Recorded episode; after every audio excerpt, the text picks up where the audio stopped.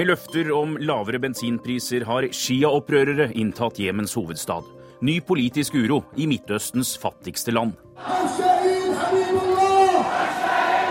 Det ser ut som revolusjonen 2011, som at den opprepar seg en andre gang.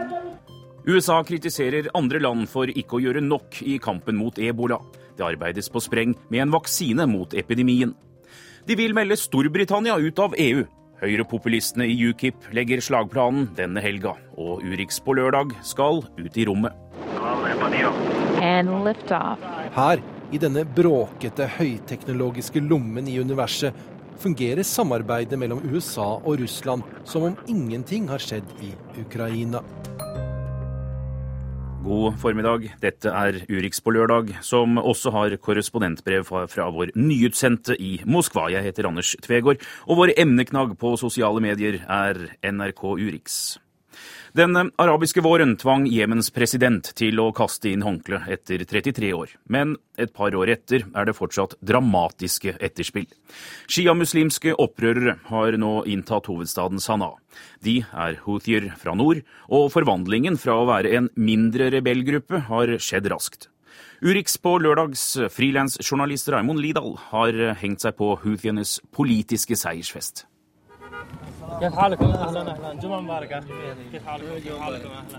Bilen, en liten Hundai, er stappfull av houthier og meg.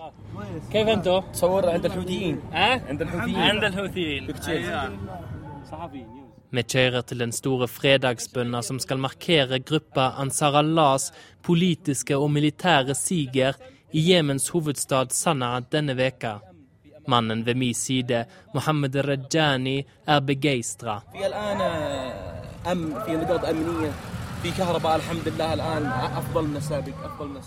Vi har tryggleik, vi har elektrisitet, og vannmangelen skal det òg bli ei ordning på hvis Gud vil, sier han.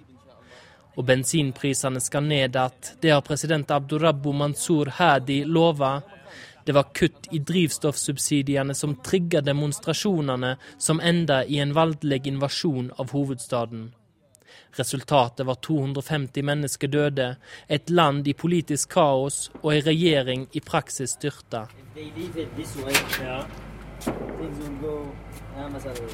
Houthi-aktivist Hussein el-Bukhaiti åpner døra til Ansar Allahs kontor i Sanaa.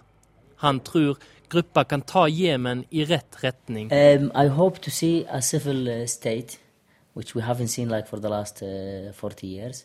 We had many uh, wars, uh, many Al-Qaida attack, and tribesmen are kind of... Han ønsker en slutt på klansamfunnet, korrupsjonen og Al Qaida, som så mange unge voksne i Jemen.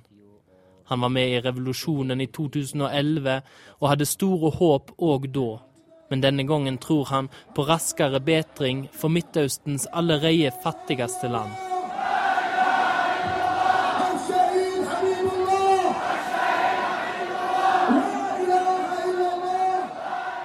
Flyplassveien er et av de strategiske punktene gruppa har tatt kontroll over den siste tida, og det er her fredagsbønna, sigersbønna, blir arrangert. Jeg forsøker å komme meg fram gjennom folkemengda for å få et overblikk. Tusentalls og åter tusentalls som har gått ut på gatene. Det ser ut som revolusjonen 2011, som at den upprepar seg en andre gang. Den svenske journalisten Tanja Holm dekker òg demonstrasjonen denne fredagen. Hun har fulgt Ansar Allah siden 2009 og har reist til Sada, området gruppa kommer fra. Hun forklarer hvordan houthiene har vokst så raskt etter seks kriger med regjeringer på 2000-tallet. Ansar taler inte om demokrati och mänskliga rättigheter, inte om den nya konstitutionen utan om priset på bensin och, och varför finns det ingen el, varför ska folk behöva vara hungriga, varför stiger priserna? Det är ju de viktiga frågorna i ett land där varannan människa är analfabet, varannat barn är undernärt och människor kämpar på ett sätt som man inte ser i andra delar av Mellanöstern. Men politiske motstandere kritiserer gruppa for å ville føre Jemen mange tiår tilbake i tid. Til et autokratisk imamstyre uten retter for kvinner, uten popmusikk. Dette er saker Ansar Allah nekter for, Men etter fredagsbønna runger deres berykta, stolte slagord ut av de utallige megafonhøgtalerne som er satt opp.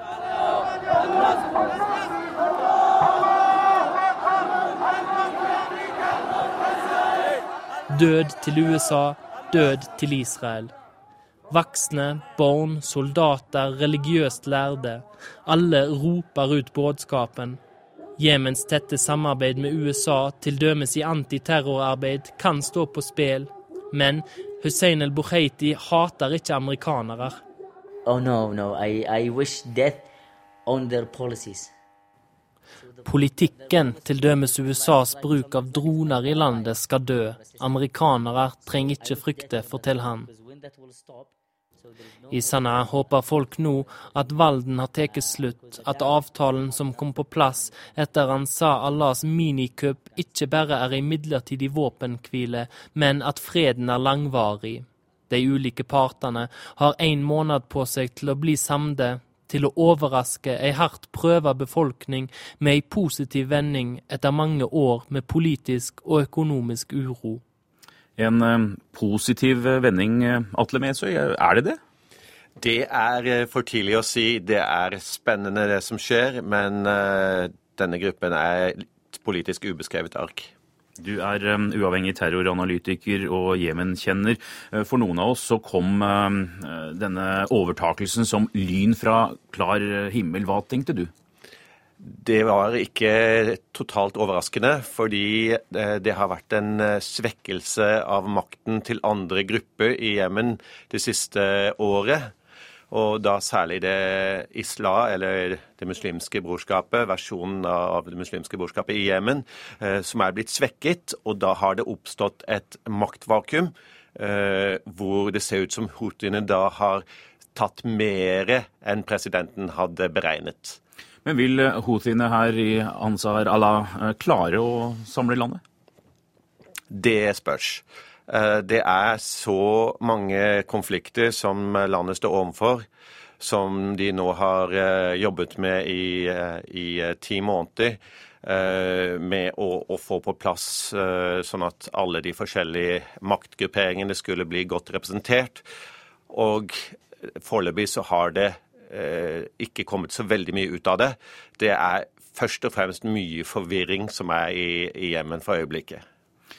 Det, mm, altså Jemen er jo hjem, hjemsøkt av, av, konflikter, utenlandsk innflytelse, stammemotsetninger. Og så har man jo den eh, Al Qaida på den arabiske halvøy, som også har fått eh, feste seg i Jemen. Hva betyr eh, de nye konstellasjonene her for kampen mot terrorisme? Det er en fare for at Al Qaida i Jemen vil bli styrket pga. dette. Det muslimske brorskapet der eh, har vært en slags modererende faktor, slik jeg ser det.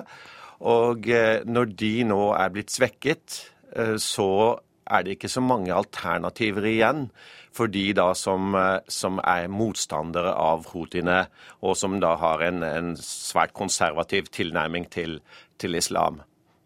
Så det betyr at altså du sier at Al Qaida kan komme til å vokse når Shia-muslimene har inntatt hovedstaden? Ja, det er, det er absolutt mulig.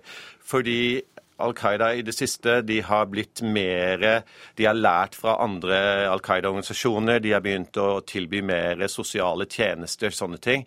De har rykket nærmere eh, opp mot, mot politikken.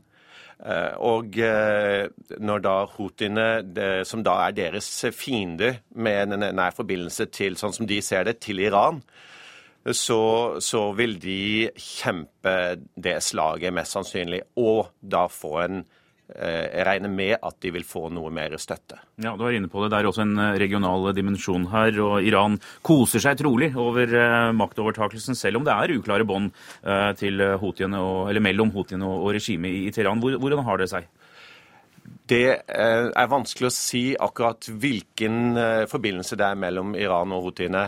Men det er jo, eh, det er jo en, en Shia-sekt, og Iran har Det har blitt bl.a. oppdaget medlemmer av Hezbollah i den regionen.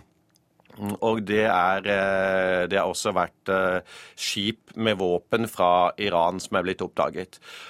Så, så, man har en, en, en klar idé om at det er forbindelse, men hvor, hvor klare de er, det, det, er et annet spørsmål. Men den maktkampen da som foregår med, med Saudi-Arabia og Iran i, i regionen, den vil nok bare bli styrket med dette. Takk skal du ha, Atle Mesøy. Vi holder oss i regionen, for Gulfstatene har, eh, er, nemlig, er nemlig i ferd med å gjøre seg til en betydelig pengeaktør i FN-systemet, og dermed mer vesentlige når det skal svares på humanitære kriser. Saudi-Arabia la f.eks. tre milliarder kroner på bordet til Irak i sommer. Sårt eh, trengte penger, som andre har lovet, men ikke cashet ut. Og givergleden, det har fått Saudi-Arabia opp på fjerdeplass etter USA, EU og Storbritannia. En som eh, følger med på Gulfstatenes inntreden, er tidligere utviklingsminister Erik Solheim. Han sitter nå i Paris som leder for OECDs utviklingskomité.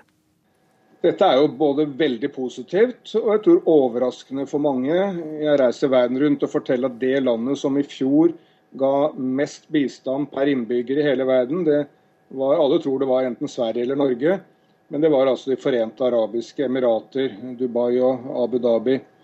Eh, og når Saudi-Arabia nå kommer opp med 3 milliarder norske kroner til nødhjelp i Irak, ikke til å støtte eh, moskeer og politiske forbundsfeller, for det har Saudi-Arabia gjort lenge, men å støtte FN-systemet for å gi penger til nødstøtte, så er dette, dette, helt nytt. og Det er veldig positivt, og det viser at eh, bistanden ikke lenger er noe som bare gis av Europa og Nord-Amerika, men noe som en stor del av verden nå deltar i. Hva gjør at Gulflandene bryr seg i eh, større grad? Jeg tror det er eh, to grunner, og de er akkurat de samme grunnene som oss. Eh, bistand i Norge har vært understøttet av at vi er en kristen nasjon og har drevet misjon, og mange mennesker ble tilskyndet til bistand gjennom det. Akkurat på samme måten er Gulfland inspirert av islam til å, til å dele og til å, å, å, gi til andre. Og de gjør det ut fra politiske motiver, akkurat som vi gjør. Og selvfølgelig helt spesielt et Midtøsten med mindre, fattigdom og krig og konflikt er i deres interesse. De ønsker å påvirke oss, men de ønsker også å lære av den, lange erfaringen som, eh, som, vi har med bistand. Det vil gjøre at eh, Emiratene, og jeg tror etter hvert også Saudi-Arabia, Qatar, Kuwait, andre gullstater, vil, eh, vi vil se at de går inn som veldig vesentlige medlemmer av det internasjonale samfunn i respons til kriser, konflikt og fattigdom. Kommer de til å operere som tradisjonelle givere? Hele verdens eh, bistand er jo i rask omstilling. Eh, alle erkjenner at andre pengestrømmer er større, private investeringer er større, ulovlig kapitalflyt er større, skatteinntekter også de fattigste landene er større. Så vi tenker jo stadig mer på hvordan vi kan bruke bistanden til å eh, få til flere og bedre private investeringer, bedre skatteinntekter. Og jeg tror disse vil være viktige deltakere i denne nye debatten.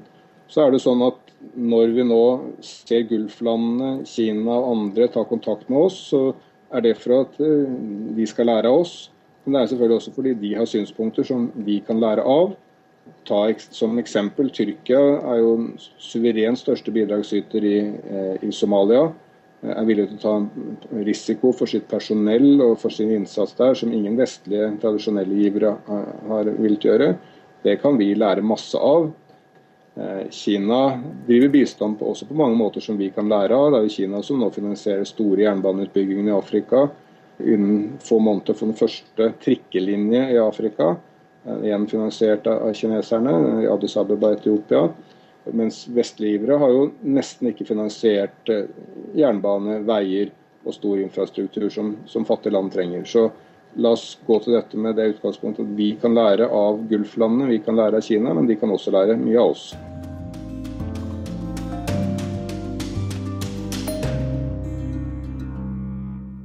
Ebola-epidemien i Vest-Afrika har tatt livet av nærmere 3100 mennesker, og denne uka har president Barack Obama gått i front for å mobilisere mer konkret hjelp.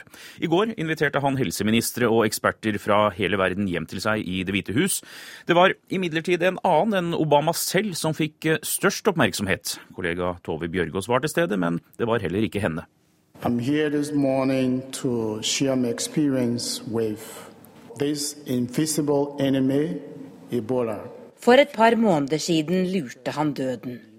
Og nå står doktor Melvin Korkor på talerstolen i Det hvite hus.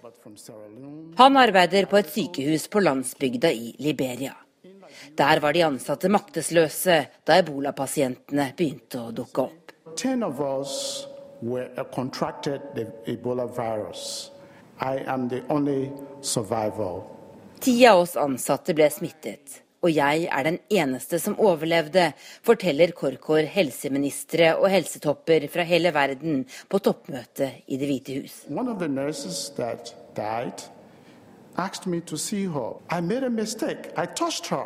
Selv ble han smittet da han hjalp en kvinnelig kollega som var syk. Historien hans gjør inntrykk. Redselshistoriene fra Vest-Afrika gjør det. De har fått Obama-administrasjonen til å gjøre ebolaepidemien til en topprioritering.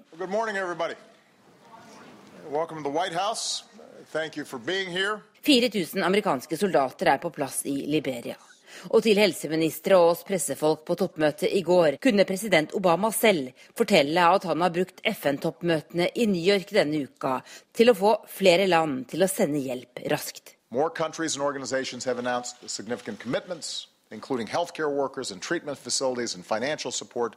And today I want to thank, uh, in particular, the government of Japan, which has pledged to provide some... Spesielt fornøyd er Obama med at Japan sender en halv million pakker med beskyttelsesutstyr landet har på lager etter SARS-epidemien. infection control supplies such as gloves, gowns, vi ble smittet ikke minst fordi vi manglet hansker og ansiktsmasker, forteller Melvin Korkor fra Liberia.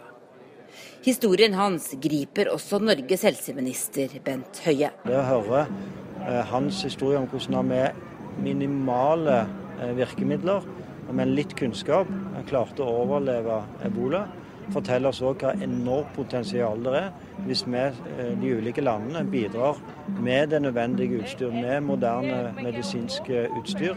Da kan vi redde eh, utrolig mange mennesker. Møtet i Det hvite hus i går hadde også som mål å etablere et globalt program for helsesikkerhet som skal hindre nye katastrofer som ebola. Norge skal bidra med å bygge opp folkehelseinstitutter i seks fattige land. Men på kort sikt er det viktigst å få nok kvalifisert helsepersonell av gårde til Liberia, Sierra Leone og Guinea. Doktor Melvin Korkor lar seg ikke skremme, og går nå tilbake til legejobben i Liberia. Now we are ready to go back to work. Phoebe Hospital is going to be reopened. Thank you for listening. Kristine Presttun med oss fra Nairobi. Det har ikke vært eh, for mange slike historier om eh, overlevende. og Før vi tar en statusoppdatering, hvordan dekkes ebolaviruset der du er? Ja, Her i Kenya så er det en ganske nøktern, faktabasert eh, dekning, som ligner på dekningen hjemme. Samtidig som dette utbruddet kanskje ikke får helt den spalteplassen det fortjener. Det er sjelden at ebola er på forsiden av avisen her.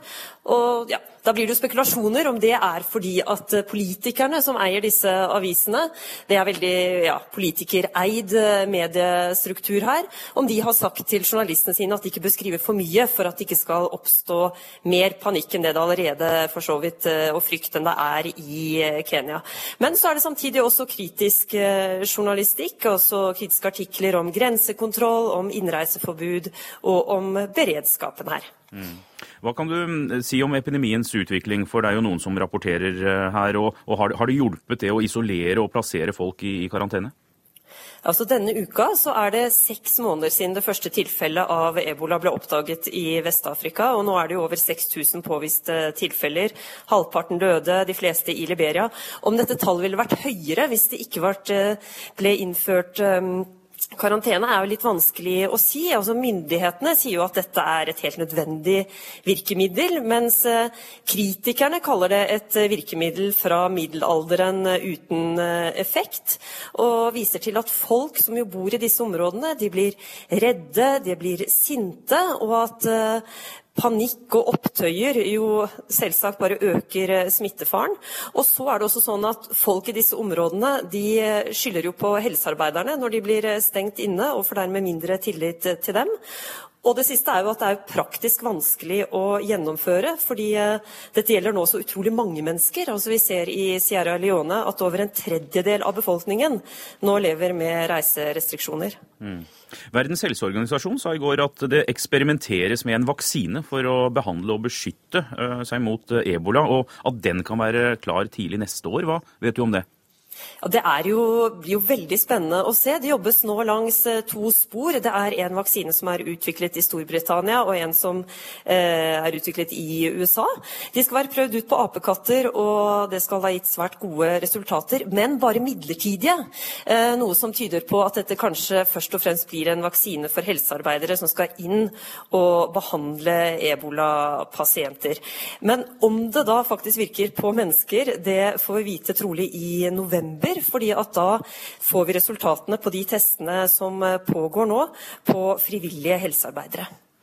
Hjelp er altså på vei til eh, vestafrikanske land. Det landet som hittil har eh, varslet størst menneskelig bidrag, er Cuba. En sykebil er på vei ut av Calixto Garcia-sykehuset i Havanna. En plakat med Fidel Castro og revolusjonshelten og legen Che Guevara henger over inngangspartiet. På en benk sitter sykepleieren Barbara Cabrera med hvit bukse og bluse. Hun er glad for at hjemlandet skal sende helsepersonell til de ebolarammede landene i Vest-Afrika.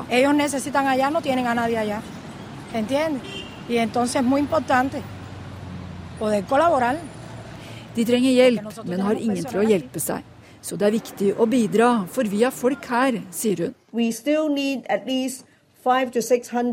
We still need at least 500 to 600 Uh, Vi trenger minst 500 leger og 1000 andre helsearbeidere, sier direktør i WHO Margaret Chan. I flere av de hardest rammede landene, som Liberia og Sierra Leone, er det stor mangel på både helsepersonell og sykehus. Svaret kom raskt fra Cuba. Vamos a cooperar con una brigada de 165 colaboradores vi vil sende en brigade med 165 erfarne helsearbeidere, hvorav 62 leger, sier Cubas helseminister Roberto Morales Ojeda. Dermed er Cuba med sine rundt 11 millioner innbyggere et av landene i verden som vil sende flest helsearbeidere til de ebolarammede landene i Vest-Afrika. Siempre nos han educado a ser solidarios, a enfrentar todas estas cosas de una manera Vi har alltid blitt lært at vi skal bry oss, og hjelpe resten av verden er veldig bra, sier legen Ana Maria Tejerias til nyhetsbyrået Reuters på gata i Havanna. Det er mye som ikke går på skinner på Cuba, men landet har satset mye på helsevesenet og har en tradisjon for å sende helsepersonell til fattige land. Titusener har blitt sendt ut i sosialistiske hjelpebrigader siden revolusjonen i 1959. Det sa Inger Marit Kolstadbråten. Det siste døgnet så har Cuba kunngjort at de vil sende 300 leger og sykepleiere til, noe som bringer det cubanske bidraget opp i over 460 personer.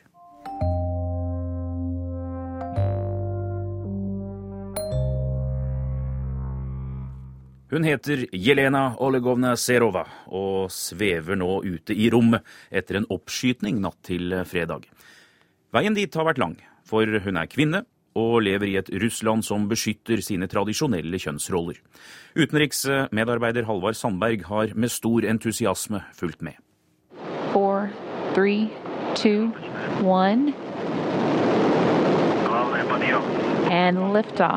Det går opp og opp for den russiske romraketten. På en søyle av ild flerrer den seg gjennom atmosfæren over rombasen i Baikonur i Kasakhstan. Tre nye romfarere er på vei, to russere, en amerikaner. Her, i denne bråkete, høyteknologiske lommen i universet, fungerer samarbeidet mellom USA og Russland som om ingenting har skjedd i Ukraina. For de tre i Soyuz-kapselen er et godt oljet maskineri etter langvarig trening. Og akkurat nå er de bare mennesker, selv om en av de om bord er litt spesiell.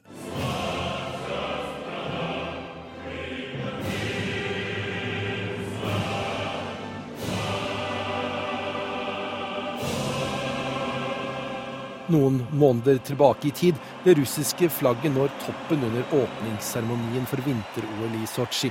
Fem kosmonauter står for flaggheisningen, en stor ære men en av dem har fortsatt sin største dag foran seg. Jelena Serova er den fjerde russiske kvinnen som kommer ut i rommet. Hun sier døren til rommet ble åpnet for alle kvinner av Valentina Tereshkova. Det hun ikke sier så mye om, er at den russiske utgaven av døren stort sett har vært stengt.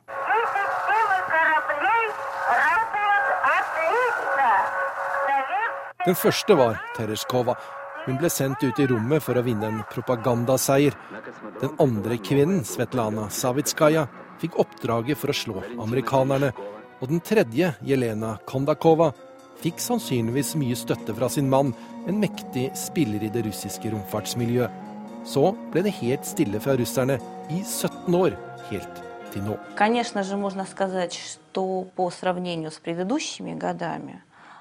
Jelena Serva sier hun ikke er noe mer eller mindre enn de andre i besetningen, at de sammen er en unik organisme. Men hun har tidligere sagt under et fjernsynsintervju at det foregår diskriminering mot kvinner i romfartsmiljøet. En diskriminering befestet i tradisjonelle kulturelle verdier.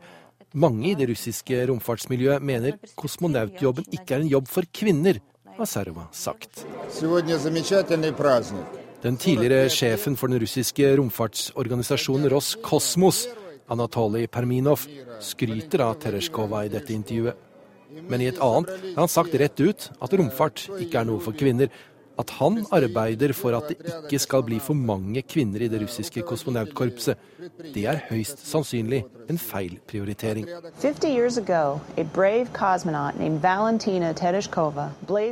En av de mange Veldig mange kvinnelige amerikanske astronautene hyller Tereshkova. Karen Nyberg snakker mens hun er om bord i den internasjonale romstasjonen. Et miljø som forskning tyder på er bedre tilpasset kvinner enn menn. Kvinner orienterer seg sannsynligvis bedre i mikrogravitasjon enn menn. De er sannsynligvis bedre til å holde en besetning sammen og funksjonsdyktig. De trenger mindre mat. De tåler sannsynligvis isolasjon bedre. Og det er mindre sannsynlig at en kvinne får hjerteproblemer, men eh, mennene skal ha noe. Det er mindre sannsynlig at de får kreft pga. strålingen i rommet.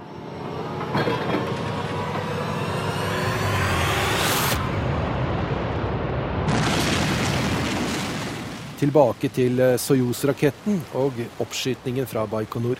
Starten på et halvt år langt opphold i rommet for Sarovak. Sarova. Hun vil bli fulgt nøye av det russiske samfunnet, et samfunn som har kastet av seg likheten mellom kjønnene, som var en kjerne i sovjetpropagandaen, og gått åpent inn for mer tradisjonelle kjønnsmønstre. Serevas russiske kollegaer i romstasjonen har sagt på en pressekonferanse at de ser frem til hennes besøk, fordi hun er så flink til å lage mat, og at hun vil gjøre det koselig om bord. Sereva ble ingeniør fordi hun ble inspirert av kosmonautene under sovjettiden. Serovas elleve år gamle datter har ingen ønsker om å følge i mors fotspor.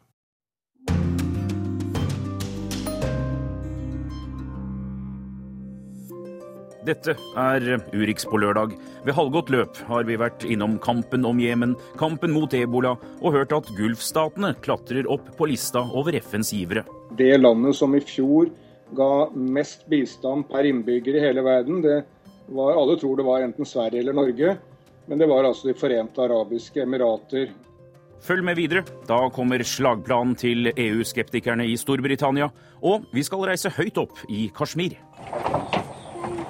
På veien dit passerer de The Duke of Windsor, Fairyland, Mandalay og Happy Dawn. Og eh, Morten Jentoft har inntatt Moskva som NRKs korrespondent nok en gang. Hvordan skal det bli å jobbe og bo i Moskva midt oppi denne opphetede atmosfæren som Ukraina-krisen har skapt? Tankene deler han med oss senere i Urix på lørdag. Det blåser på mange måter en høyrenasjonalistisk vind over Europa. Vi så Sverigedemokraterna gjøre det uventet godt for et par uker siden. Denne helga holder det britiske uavhengighetspartiet UKIP årsmøte. Partiet har lenge seilt i medvind, men fikk overraskende drahjelp med denne annonseringen for noen uker siden. Good morning. I'm today leaving the Conservative Party and joining UKIP. UK Independence Party, UKIP, fikk nylig en ny profilert frontfigur. Douglas Carswell hoppet av fra det konservative regjeringspartiet som han har sittet i parlamentet for helt siden 2005. The problem is that many of those at the top of the Conservative Party are simply not side. They aren't serious about the change that Britain so desperately needs. Carswell er ikke alene om å mene at regjeringen og de mer etablerte partiene er for dårlige til å lytte til folkedypet. UKIP har vokst kraftig på meningsmålingene de siste årene. Partiet har 13% oppslutning, omtrent dobbelt så mye som lillebror i regjeringen, Liberaldemokratene. I'm looking at UKIP at the moment, really. Oh, really? Yeah. Andrew McClure er en av velgerne som i fjor fortalte oss at han trolig vil stemme UKIP ved parlamentsvalget i mai neste år. Partiet er tuftet på sin motstand mot EU, men det er ikke den viktigste årsaken til at folk vil stemme på uavhengighetspartiet.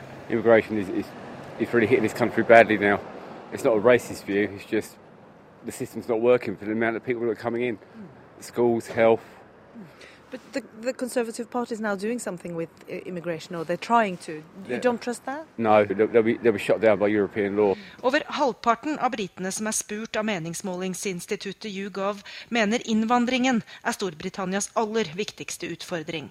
Blant UKIPs velgere er det tilsvarende tallet over 80% People are coming from Asia, people are coming from Africa, crossing the whole of Europe to get to England. So what can Nigel Farage and the UKIP party do? Um, they're more looking after the country as a whole rather than being a benefit state for, for the whole of Europe. YouGov har også sett nærmere på hvem de typiske UKIP-velgerne er. De identifiserer seg gjerne som høyreorienterte. De er lesere av aviser som Daily Mail og Daily Express. De tilhører arbeiderklassen. Få har høyere utdanning, og mange har lav inntekt. Partiet appellerer dårligere til folk med en universitetsgrad, de under 40 år og de som har god råd. Og som Tory-parlamentarikeren Douglas Caswell stemte nesten halvparten av UKIPs nye velgere på det konservative Tory-partiet ved forrige parlamentsvalg. Politics to them is about politicians like them. It's a game. First under Tony Blair, then Gordon Brown, now David Cameron. Caswell peker på avstanden mellom den politiske elite og folket, og appellerer til proteststemmene.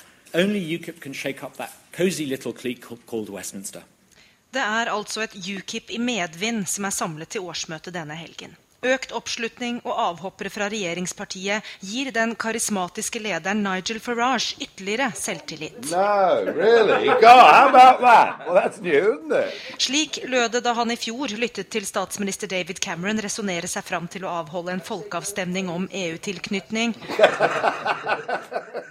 Og slik lyder det når han formulerer sin ambisjon for neste års britiske parlamentsvalg. It's my intention that UKIP will be a major national player in that general election in 2015. Partileder Nigel Farage ble intervjuet av Gry Blekastad Almås. Espen Aas med oss fra Doncaster. Det er en offensiv partileder vi hører åtte måneder før valget. Hvordan skal Farage bli den betydelige kraften han ønsker? Han fortsetter med det han gjør best, nemlig å være på konstant frierferd til velgerne. Han hamrer inn hva som er galt med alle de andre politiske partiene, på beste engelske syrlige og ironiske vis, selvsagt, for deretter å si at sånn driver ikke UKIP på. Og her i Doncaster har han lovet skatteletter til alle som har lønninger under 550 000 i året. Det skal han finansiere bl.a. med å nekte rike utlendinger fra å handle skattefritt når de er på besøk i Storbritannia. Milliardærer fra Russland og Saudi-Arabia var eksempler. Og så nevner han jo stadig alle disse summene som partiet har tenkt å spare inn på Storbritannias vegne ved å få landet ut av EU. Du, du er på Uavhengighetspartiets landsmøte dag to. Hvordan går det for seg? Ja, stemninger på politiske landsmøter, enten det er i Norge eller andre steder, er jo ofte preget av kamplyst og samhold. Og jeg har vært på mange, men stemningen her i Doncaster er helt, helt spesiell. Under EU-valget i mai så fikk UKIP over en firedel av stemmene i Storbritannia, noe som skremte vannet av bl.a. de konservative, altså partiet til statsminister David Cameron, så selvtilliten her er stor. Det som jo er litt vanskelig å se, er hvem andre er i dette partiet enn partileder Nigel Farage. Det er mange partimedlemmer som taler, men de er jo ikke i nærheten av den karismaen og den måten å vinne folk på som, som han har. Men de delegatene her er i hvert fall ellevilt begeistret over alt som skjer, og dette landsmøtet er det største som partiet har hatt noen gang i sine 21 år. Sverigedemokraterna gjorde et brakvalg i nabolandet her, men er jo frosset ut politisk. Hvor stuerene har UKIP blitt? de har jo nesten aldri blitt tatt uh, seriøst. David Cameron kalte dem jo en, uh, for en gjeng med fruktkaker og, skaperrasister, uh, før han for alvor forsto hvilken politisk kraft de faktisk hadde når det gjaldt å, å få med seg folk. Men fortsatt anses de som en gjeng med ganske spesielle folk med, med, rare meninger, og det skal sies at det har vært mange originaler innom partiet men det er i ferd med å endre seg. Jeg snakket lenge i går med en tidligere lokal politiker for de konservative som har uh, meldt overgang, så den tiden er nok forbi. Kan kanskje minne litt om slik Fremskrittspartiet var i Norge på slutten av 70-tallet og begynnelsen av 80-tallet, hvor de sto på utsiden av alle sider som, som fantes, men sakte, men sikkert også ble en del av den eh, politiske floraen.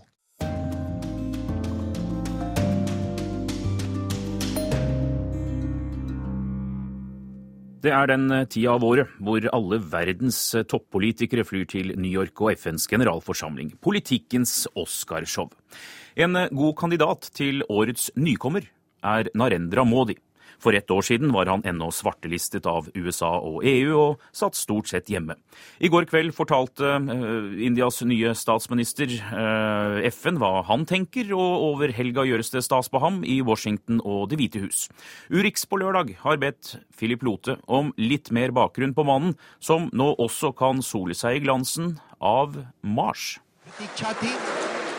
Ifra kontrollrommet til den indiske romfartsorganisasjonen ISRO i byen Bangalore fulgte Narendra Modi sekundene da Indias første sonde til Mars ble satt i bane rundt den fjerne planeten. Da suksessen var sikret, omfavnet han Indias romfartssjef og brøt ut i en hyllest i en ikke utypisk blanding av hindi og engelsk. Mom kabhi nirash nahi karti hai. History has been created today. Indias avansement til klubben av nasjoner som nå kan sende hjem satellittfoto og data ifra det ytre rom, forløste en nasjonal stolthet som fikk Indias rikeste mann, Mukesh Ambani, til øyeblikkelig å love 125 000 nye jobber på vegne av sitt firma Reliance Industries. Over 125,000 new jobs in India in the next et land som klarer å sende en sonde til Mars for syv rupi, ca. én krone per kilometer, mindre enn minstetaksten for en drosje i Indias byer, viser hva vi kan oppnå, sa milliardæren. Kort tid etter Mars-suksessen småløper statsminister Narendra Modi opp flytrappen på Air India-flyet som skal ta han til New York. Budskapet er enkelt. Verden der ute skal kjenne nye indiske vibber.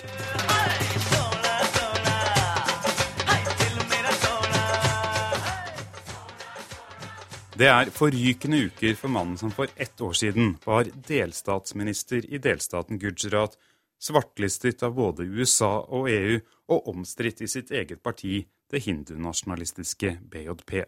Omstridt pga. sin uavklarte rolle under volden mellom hinduer og muslimer i hans egen hjemstat i 2002, om han var delaktig eller bare passiv da 2000 muslimer ble drept.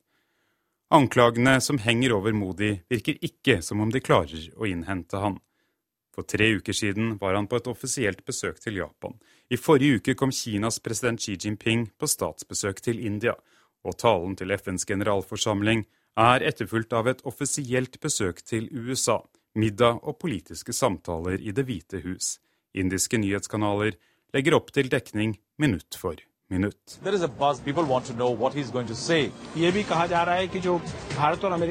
celebration here is a reflection of the excitement that is building up in the Indian American community.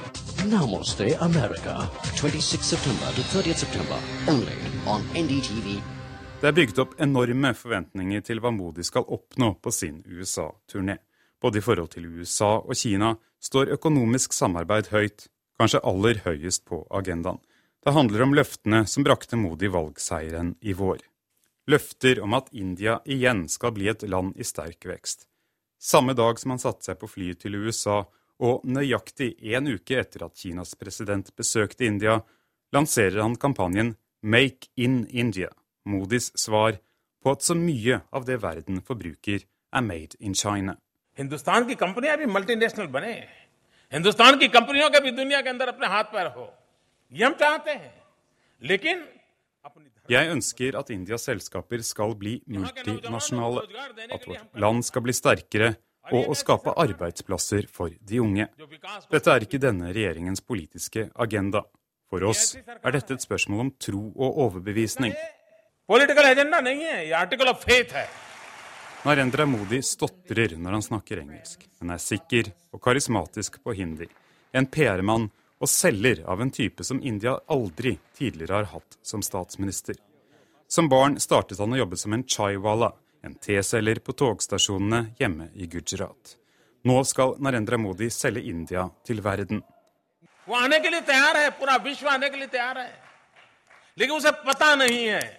Asia med jaye to kahan jaye.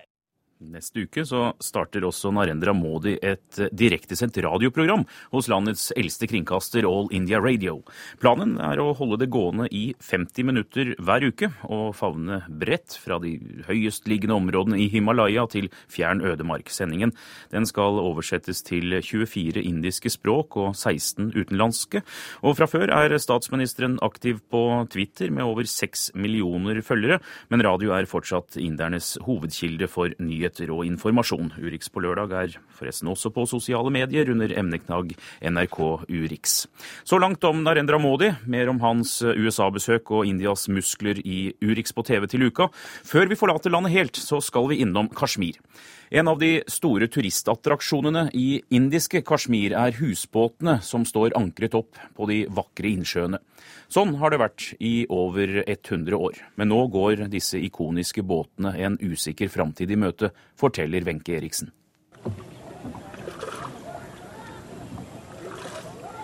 Venezia har sine gondoler.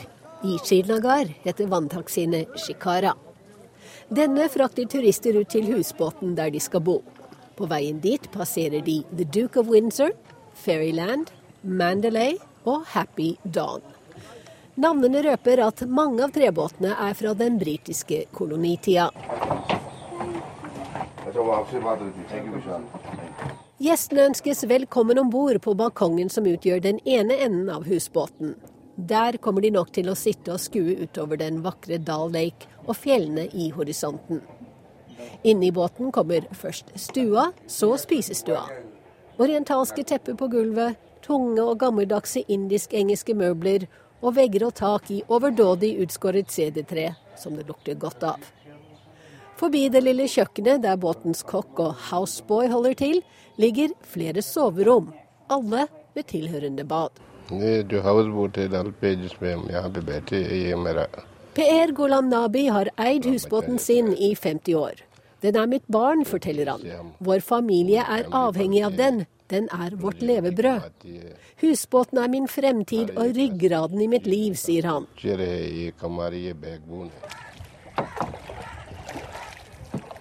Men fremtiden er ikke lys. Mansour Amals husbåt sank for åtte år siden i en storm. Han har ennå ikke fått lov til å heve den. I have been moving pillar to post for fulfilling all the legal formalities. But till date, I have not succeeded in getting so. Båt må tas helt fra hverandre og bygges opp igjen. Jeg har gjort alt de krever, formalitetene skal være i orden, men jeg får ikke lov til å renovere den, sier han til nyhetsbyrået Ap. Og Ahmads båt er ikke den eneste som ligger halvveis nedsunket i Dal Lake. Nesten ingen får lov til å sette dem i stand. Bare mindre reparasjoner på vinduer, dører og tak er tillatt. Husbåtene forurenser. De slipper kloakkvann og søppel rett ut i innsjøen, og det er for mange av dem, sier myndighetene. There are reports that these lakes are getting polluted, not only from the natural sources or Innsjøene gror igjen pga. bakterieveksten, og det skyldes ikke minst avføring fra toalettene om bord i husbåtene. Derfor er det helt avgjørende at vi holder tallet på husbåter i sjakk, sier turistdirektør Talat Parvas. Siden 1991 har det vært forbudt å bygge nye husbåter i Kashmir. Det er et forbud husbåteierne forsøker å få opphevet. Da India ble selvstendig i 1947, var det 2000 husbåter i Srinagar. 400 av de 900 som er igjen, blir borte i løpet av ti år hvis ikke eierne får lov å sette dem i stand, ifølge Husbåteiernes forening. Like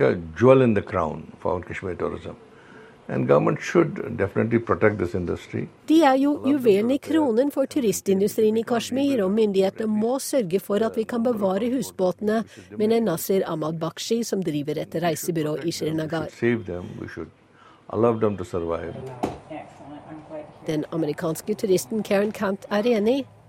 Husbåtene er en av grunnene til at hun kom til Kashmir. So sure no, um,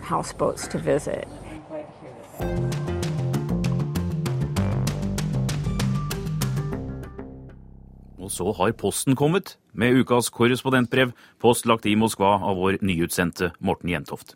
Selvfølgelig var jeg spent på å komme tilbake. De færreste ting er konstant her i verden, og jeg visste at livet som korrespondent i Moskva måtte bli annerledes enn da jeg dro østover til den russiske hovedstaden i 1996. Jeg var blitt noen år eldre. En overraskende hjertehistorie med påfølgende operasjon i vinter hadde gitt livet et litt annet perspektiv. Og jeg skulle starte en tilværelse som korrespondent alene, i alle fall det første året. Men alt dette visste jeg i god tid før jeg skulle ta fatt på min andre periode som korrespondent for de tidligere landene i Sovjetunionen, som etter hvert begynner å bli et noe forslitt begrep, snart 23 år etter at Mikhail Gorbatsjov lot det røde sovjetiske flagget fire over Kremlborgen her i Moskva. Nei, det som jeg selvfølgelig var mest spent på, var hvordan venner, bekjente og folk jeg skulle jobbe sammen med, opplevde den verste krisen som Europa som verdensdel har sett siden Berlinmurens fall i 1989.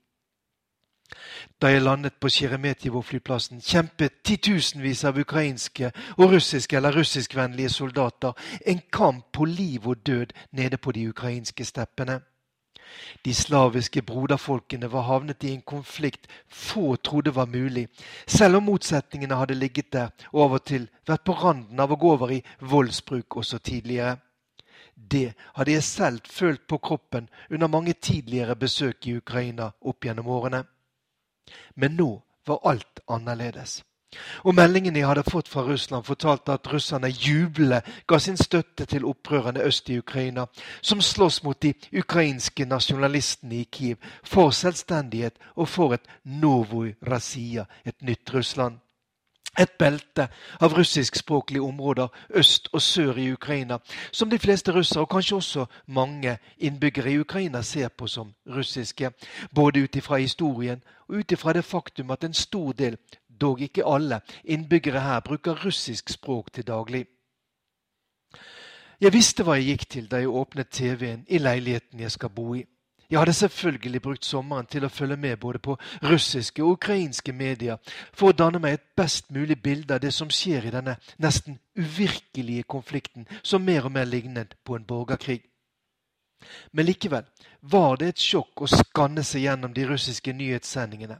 Det handlet nesten utelukkende om hvordan de ukrainske styrkene bombet sitt eget folk, og om hvor vanskelig det var for de hvitmalte russiske militære lastebilene å komme seg inn til den hardt prøvede sivilbefolkningen med nødhjelp. Ikke et ord om at mange av separatistene bestod av mer eller mindre tvilsomme elementer, mange med bakgrunn fra den kriminelle underverden. Etter hvert støttet av russiske frivillige. Og også av regulære russiske eliteavdelinger fra bl.a. fallskjermdivisjonene i Pskov og Kastramo. Ordbruken var aggressiv og propagandistisk. Et massivt bombardement som jeg tenkte oppegående russere må ha gjennomskuet. Men jeg fikk nok et sjokk da jeg hadde mine første gjester på middag hjemme i leiligheten.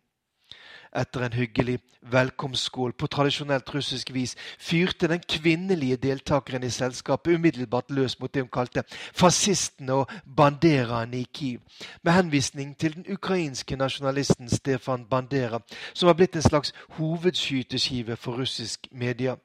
Dette til tross for at de færreste har et klart bilde av hva som skjedde i de kaotiske årene etter annen verdenskrig i Ukraina, da mange ukrainere tok til våpen mot både sovjetstyret og Josef Stalin, og etter hvert også mot nazistene og Hitler.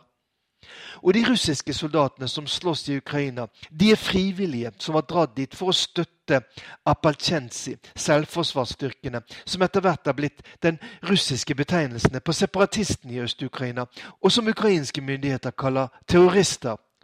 Sammen russiske venninne, og viste seg å være svært representativ for mange i Russland, også dem som jeg tradisjonelt har sett på som liberale og godt informerte.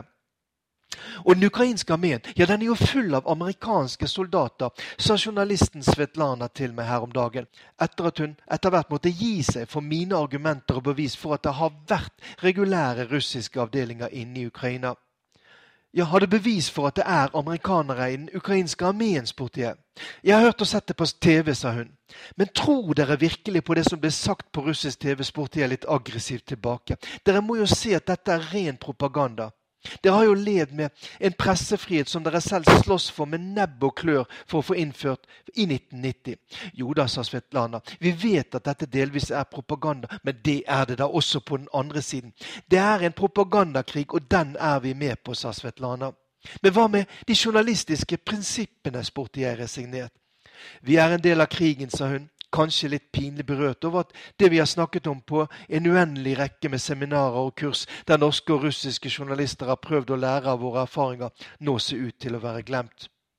Ja, for det kan se ut som alt det vi har prøvd å pakke på våre russiske kollegaer, er blåst bort i løpet av det siste halvåret.